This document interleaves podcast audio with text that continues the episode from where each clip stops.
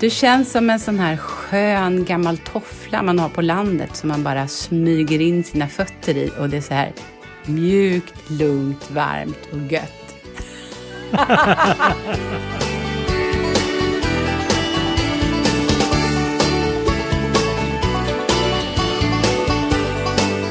Du messade ju mig nyligen att du inte mår så bra. Hur mår du?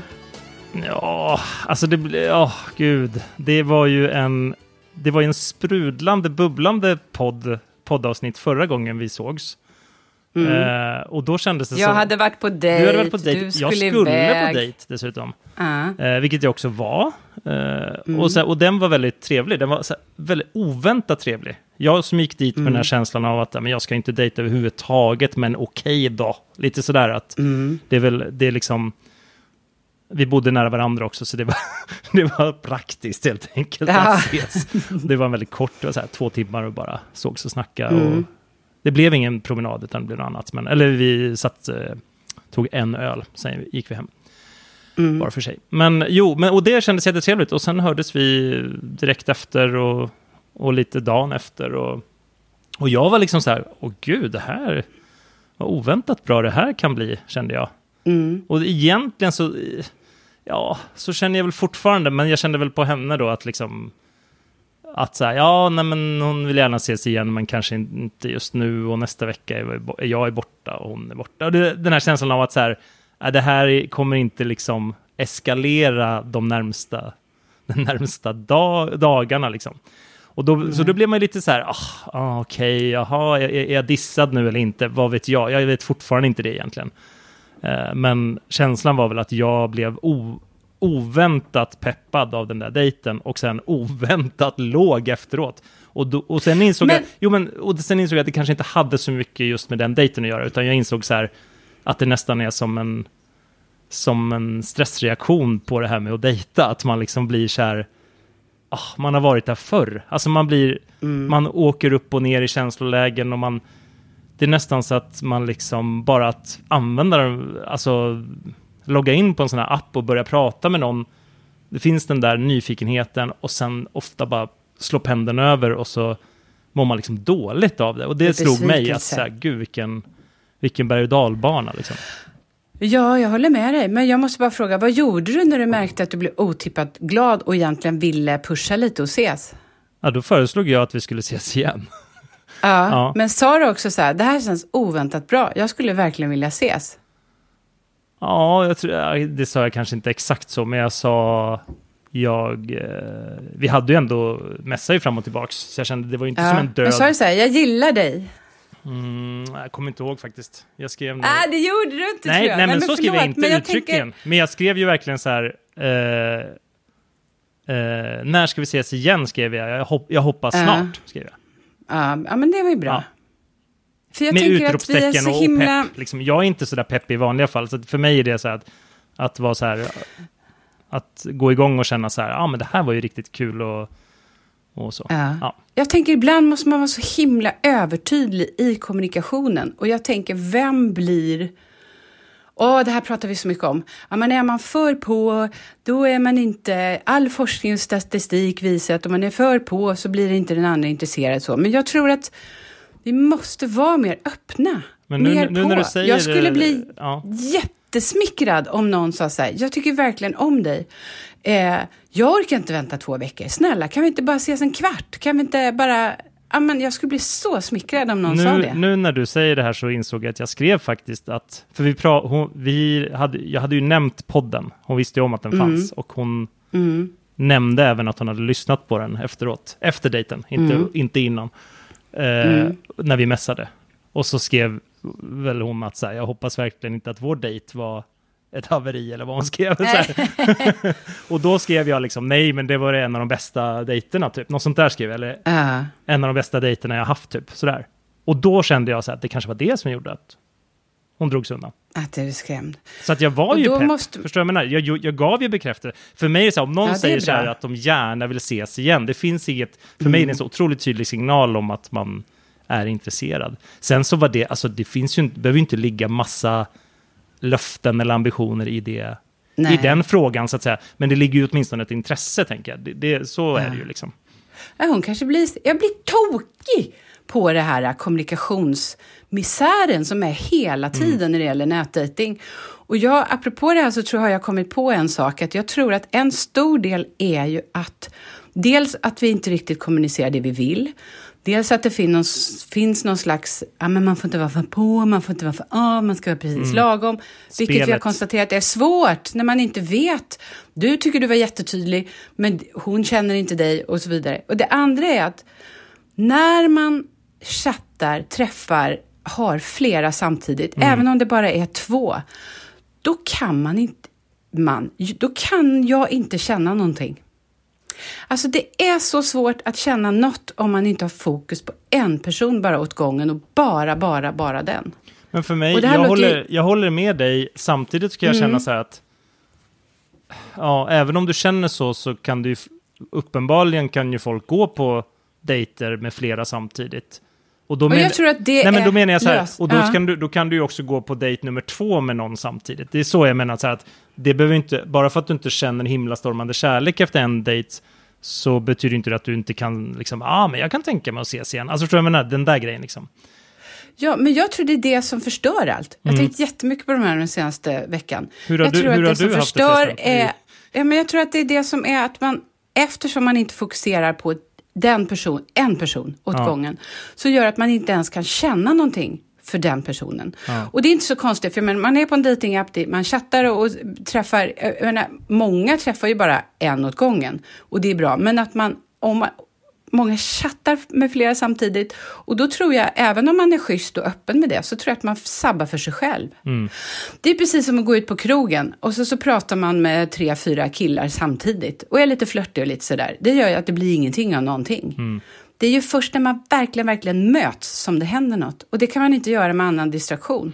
Så säg, även om man har bara en, så är det också nu tanken att det kanske finns någon annan, att man fortsätter hela tiden. Mm. Att, det är ett helvete faktiskt. Ja, precis. Du menar att jag, även om man inte så att säga faktiskt träffar flera så har man ändå hela tiden det valet att säga, ja, det kan vara någon annan du har matchat med. Det finns och snurrar. Liksom. Det finns, mm. Och nu är inte bara en, flera på en app, utan flera appar. Mm. För så här då, jag har varit på, jag var på dejt. Mm.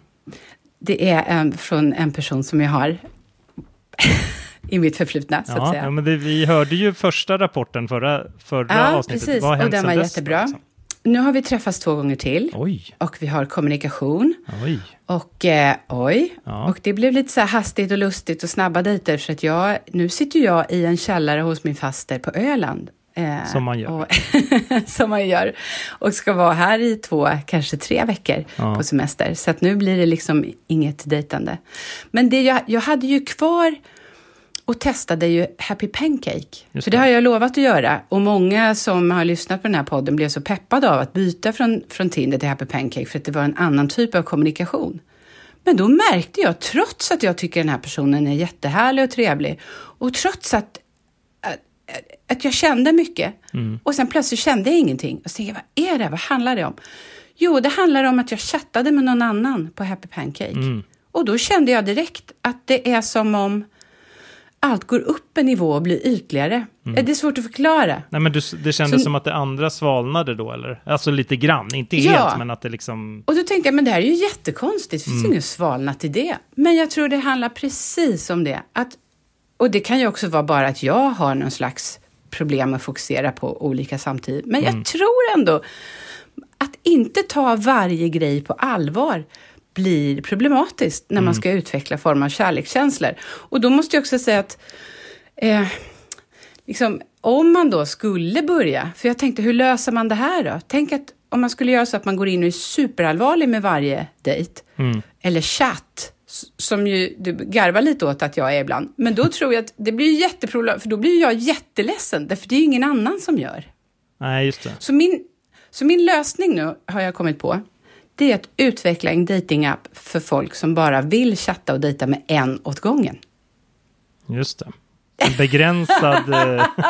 Eh, ja. Och det går ju inte alls då, för det skulle ju direkt komma in flera som tyckte här är ju lättplockade. Plus att man, jag tror i människans natur ligger det i att vi vill undersöka alla och allt hela tiden. Eller så blir det, vet du vad jag tänker nu? Jag tänker att det, att det kanske skulle funka, men att det blir att man... Eh, alltså att du, du liksom eftersom du vet att du bara kan hålla en, till exempel en konversation med en samtidigt, så blir det som mm. att du mm. hela tiden måste bevisa dig att så fort du då känner så här, mm, nej, det här blir, det kommer inte, så liksom avmatchar man eller så, så liksom överger man det och går vidare till nästa för att man tänker att så här, det, det är begränsad, mm. bandbredden är begränsad så att säga. Men det vet man ju inte såklart. Det kanske blir motsatsen Det också. vet man ju inte. Ja. Jag tror att problemet med datingappar är att vi kan välja för mycket, att vi inte orkar och vågar ligga i, vara tydliga, ärliga, jobbiga, visa vårt riktiga jag. Ja. Och jag tror att det är liksom inte människorna bakoms fel, utan det är de här fucking apparna. Alltså ursäkta mig, men det är ju inte gjort för att man ska kunna vara en människa med alla känslor och allt man har i bagaget. Det, det är liksom, det, nej. Jag håller med. Nej.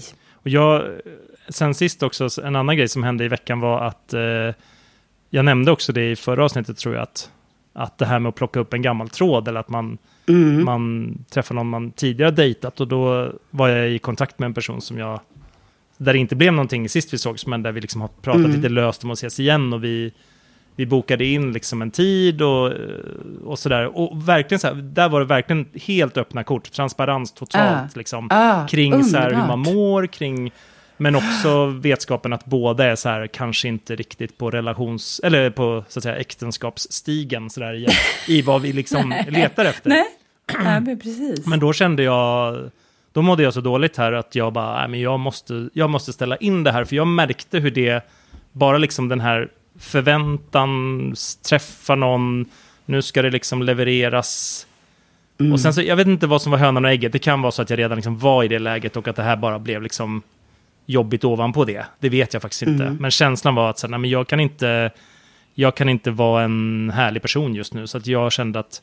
Och det, det som var lite nytt för mig det var väl också att känna efter. Att ta, ah. det, det, att ta ansvar för mig själv och den andra personen. Att så här, nej men istället för att bara köra på och liksom i bästa fall då liksom sova hos någon, liksom, typ sådär och sen må mm. dåligt efteråt istället. Så kände jag så här, men jag liksom bromsar det här nu innan, innan det liksom hinner Hur eskalera. Hur togs det emot då?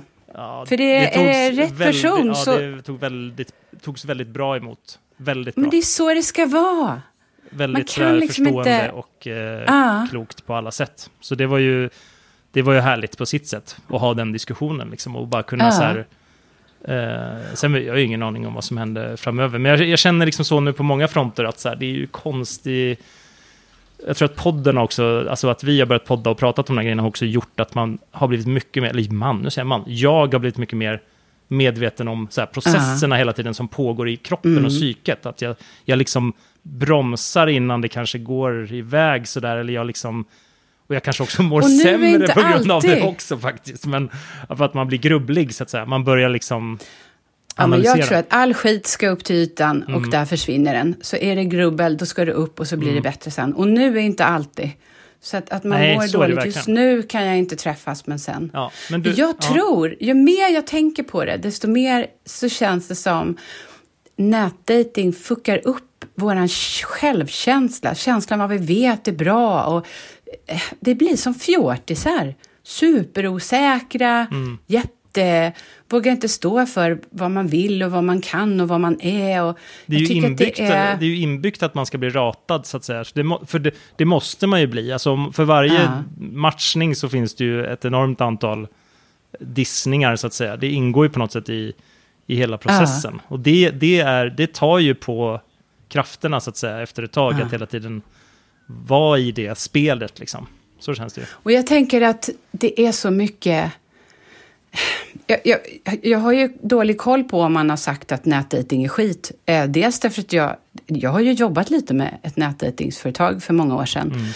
Mm. Eh, och, och, och, är också en digital människa. Men jag börjar verkligen luta åt att, och jag älskar sociala relationer på nätet. Mm. Men just nätdating, jag skulle vilja säga att det är skit. Mm.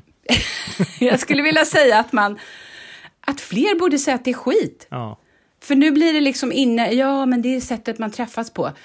Ja, men inte, som det ser ut nu är det inte schysst. Det är inte snällt mot människor som det ser Nej. ut nu. Det kanske kan bli bra med bättre algoritmer, snällare sätt, tydligare regler om hur man förhåller sig när man dejtar. Men just nu är det bara någon slags vilda västern där alla blir nedskjutna.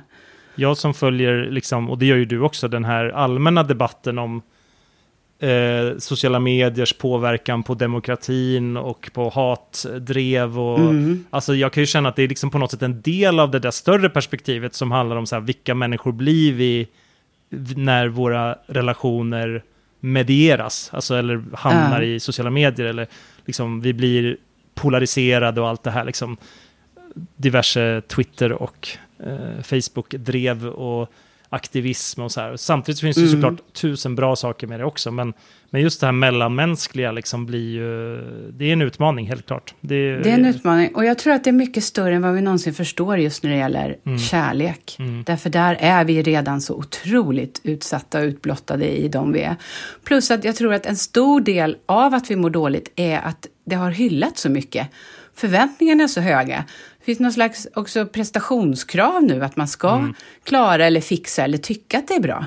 Men parallellt eh, är ju också, för det har jag ju tänkt mycket på det här med liksom, vad vet jag, kärnfamiljsidealet eller mm. normerna för hur vi ska leva tillsammans. De påverkas ju också av saker som har att göra med, med liksom, ja, vad ska vi säga, kvinnlig frigörelse, självständighet, liberalt samhälle, allt, alla de sakerna som pågick innan internet också, alltså som utvecklades innan mm. nätet, det har ju också gjort det här med att så här, att låsa sig i en relation, man, kvinna, två ja. barn, Volvo, allt så här. Det, den livsstilen har liksom blivit så här, den är, eller så här, den är ju fortfarande normen, men, men vi kanske får mm. svårt att leva upp till den. Och då krockar det, ja. liksom, det krockar i våra psyken. Så här, hur ska vi få den här, det...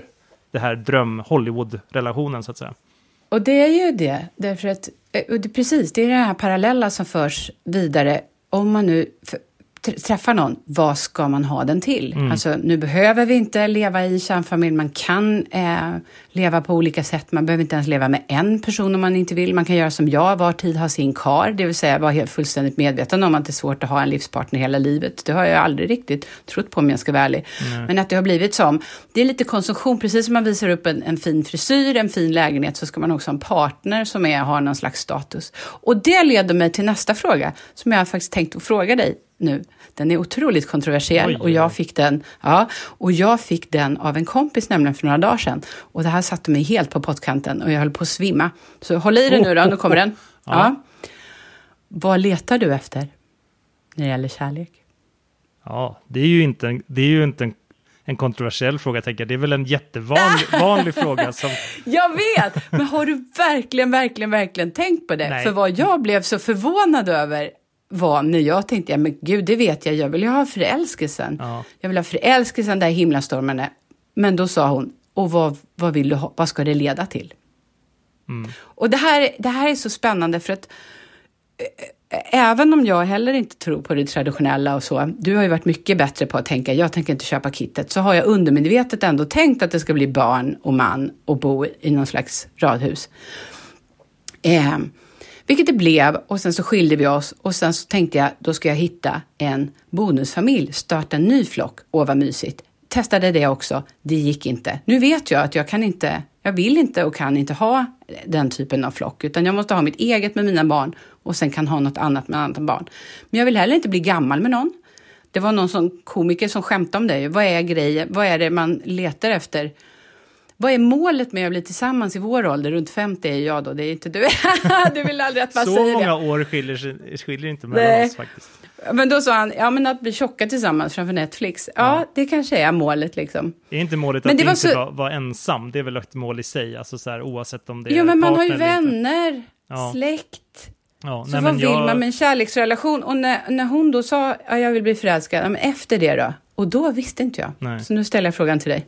Nej, men och jag har haft så, äh, vet du, svårt att vet du, svara på den frågan också. För att jag har hela tiden mm. känt att, framförallt efter att jag fick barn då, liksom, eller på något sätt så var väl känslan att ja, men då var det inte, inte gjort, men känslan av att ja, men jag, jag har ju inte sökt det livet innan som du var inne på.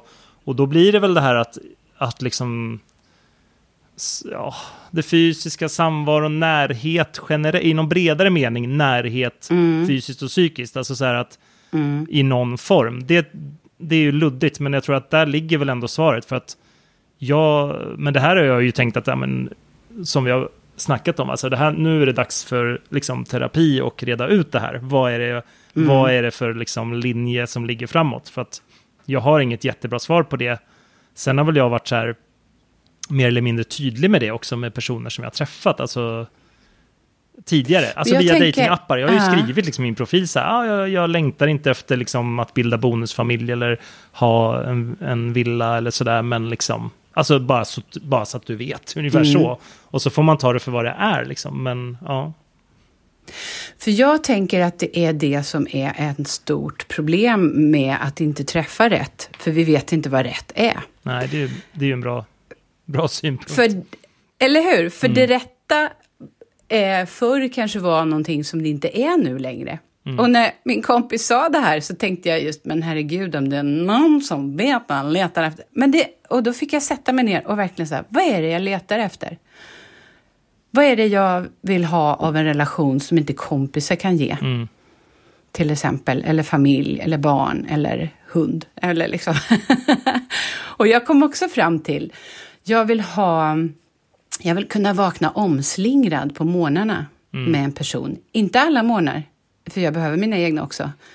Jag vill inte inte ha... alla män, trodde du skulle säga. Inte alla män, inte alla morgnar. jag vill kunna ha den här fysiska intimiteten och också eh, den här att Förr, hade du frågat mig för tre år sedan så hade jag sagt att jag vill ha trygghet. Mm. Men nu har jag faktiskt lärt mig de senaste åren efter lite turbulens att tryggheten måste jag hitta i mig själv. För det kommer aldrig någon annan kunna ge mig. Det är inte där den får ligga. Man kan inte lägga den hos någon annan heller. Framförallt inte när man har barn som man ska vara trygg för. Nej. Tills de växer upp och flyttar hemifrån. Så det, är liksom, det har blivit det. Det lugna, fina, mysiga morgonhånglet med dålig andedräkt. Eh, famnen, kramen. Det som, det som inte riktigt en vän ändå kan ge, mm. faktiskt. Mm. Men det betyder också att ja, jag har fått omvärdera lite vad jag letar efter. Men hur har det här, har hur har det här påverkat dig i nu den här uppkomna dejten som du har börjat prata med? Och så här, har ni haft de här diskussionerna eller, eller är det för tidigt? Liksom? Eller?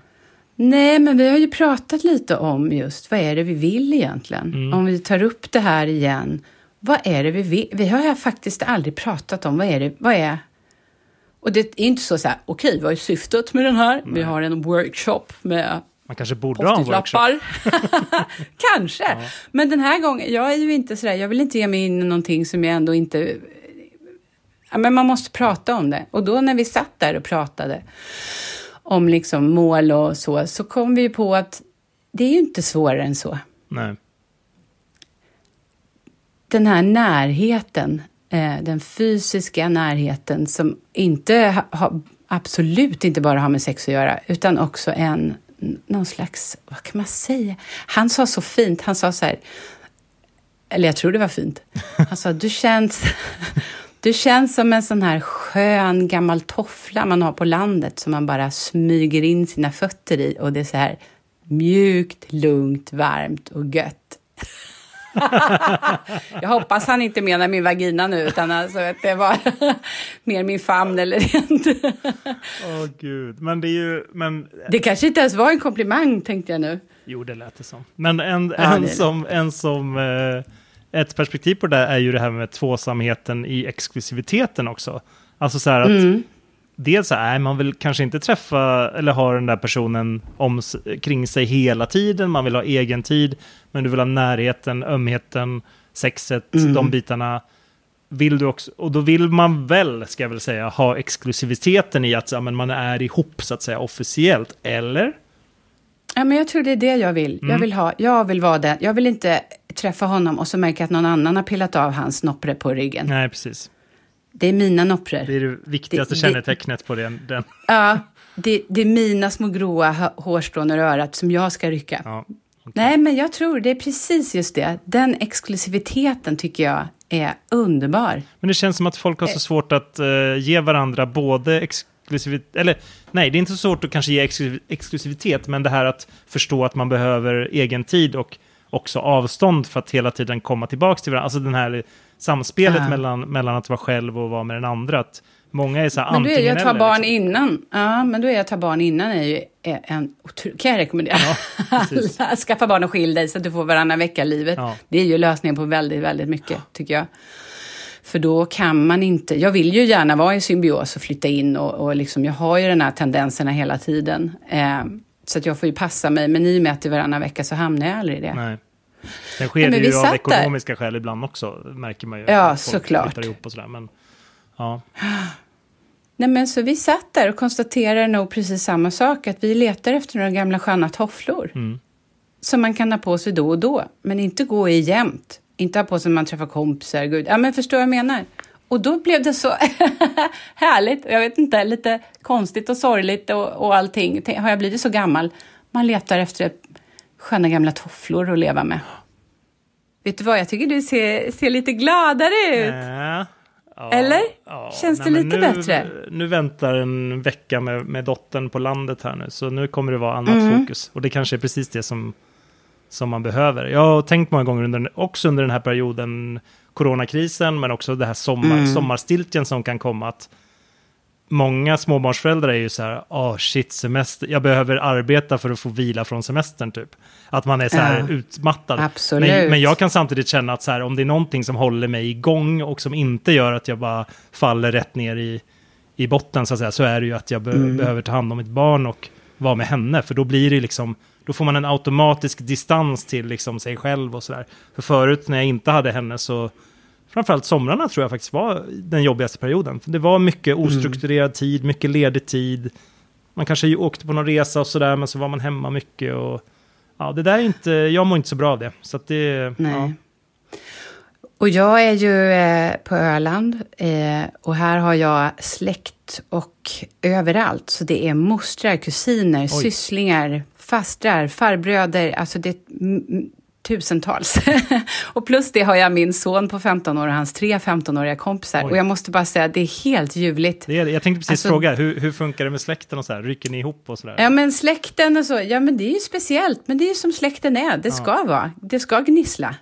För, för att vi är alla som vi är. Ja, och det är underbart att vi... är olika. ja, Ja. Men jag ska säga de här 15-åriga killarna, de är ju, ger ju hopp om framtiden och livet. Och igår så åkte vi då bil i åtta timmar och de pratade om livet och kärlek och relationer. Och så tänker jag bara så här, åh, alltså nästa generation, mm. de är fantastiska. Mm. De är så mycket smartare och visare än vad vi är. Jag hoppas inte de kommer bli så här cyniska som Nej. Jag, vi kan vara ibland. Och så.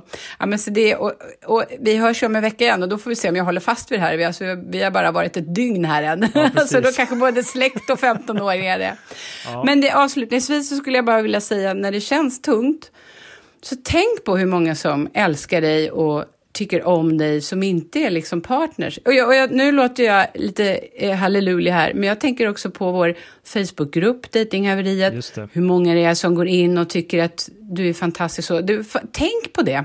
Mm. Och, och, så kan jag hälsa då från min mamma som inte brukar lyssna eller titta på någonting av det jag gör, men som valde att lyssna på Datinghaveriet. och sexavsnittet hänvisade hon till refererar hon som ett intressant avsnitt. Ju, Inte gå in mer på det. det, det Men hon sa, Fredrik, han är bland de finaste killar jag har träffat. Och sa, du har inte träffat honom. Nej, men han är så fin. Åh oh, gud, åh oh, vad fint. Ah! Oh. Alltså, jag, det känns så bra. Det är ju så himla härligt att höra sånt, samtidigt som det mm. liksom är Eh, det blir, eh, jag tänker bara, ja det är bara en eh, fasad, det är bara det, en, en friserad bild du får höra i en podd liksom. Det är inte hela jag. Det finns ett mörker och det är inte roligt, typ så. Fast det tycker jag du är tydlig med och jag tänker, jag har aldrig varit så här avskalad offentligt någon, någon gång. Nej. För jag kan tycka att det är väldigt, väldigt utsatt och samtidigt väldigt, väldigt underbart. Det känns ju som vi, vi det sätter igång, fram. Det sätter igång saker. Mm. Det, det jag älskar känslan. Ja, jag är här inne. jag måste dra snart. Ja, jag ska bara... eh, nej, men jag, jag älskar känslan av att det, att det vi pratar om sätter igång saker hos andra som mm. delar med sig av sina erfarenheter, både i den här Facebookgruppen men också i kommentarer och direktmeddelanden. Och, alltså det är helt otroligt. Jag tycker det är så här, om det liksom är allt som den här podden gör så är jag nöjd. För ja. det är så här, man känner bara så här, åh, jag vet inte, det är fantastiskt. Så det gläds jag faktiskt att, åt också. Jag går inte bara runt och deppar hela tiden. Men eh, jag fick ett bakslag, så kan man ju verkligen säga, den här veckan. Och jag tycker att det är underbart att det är fler som känner och förstår på riktigt att de inte är ensamma i det här datinghaveriet, utan vi är i det här haveriet tillsammans. Det är den världen vi, är... vi har byggt, liksom. eller vi är. Ja, ja men vi, man är inte ensam att vara misslyckad i kärlek, eller förvirrad, eller ens konstig, utan vi är alla i en brytpunkt där det bara är lite, lite märkligt just nu. Mm. Men vi vill alla ha kärlek och kärlek finns där någonstans. Mm. Och nu ska jag göra prinskorv. Och jag ska packa och städa och förbereda ja. för imorgon typ. Kram då! Ja, kram Karin så ses vi snart igen, hörs eller hörs snart igen och ses kanske kan man säga.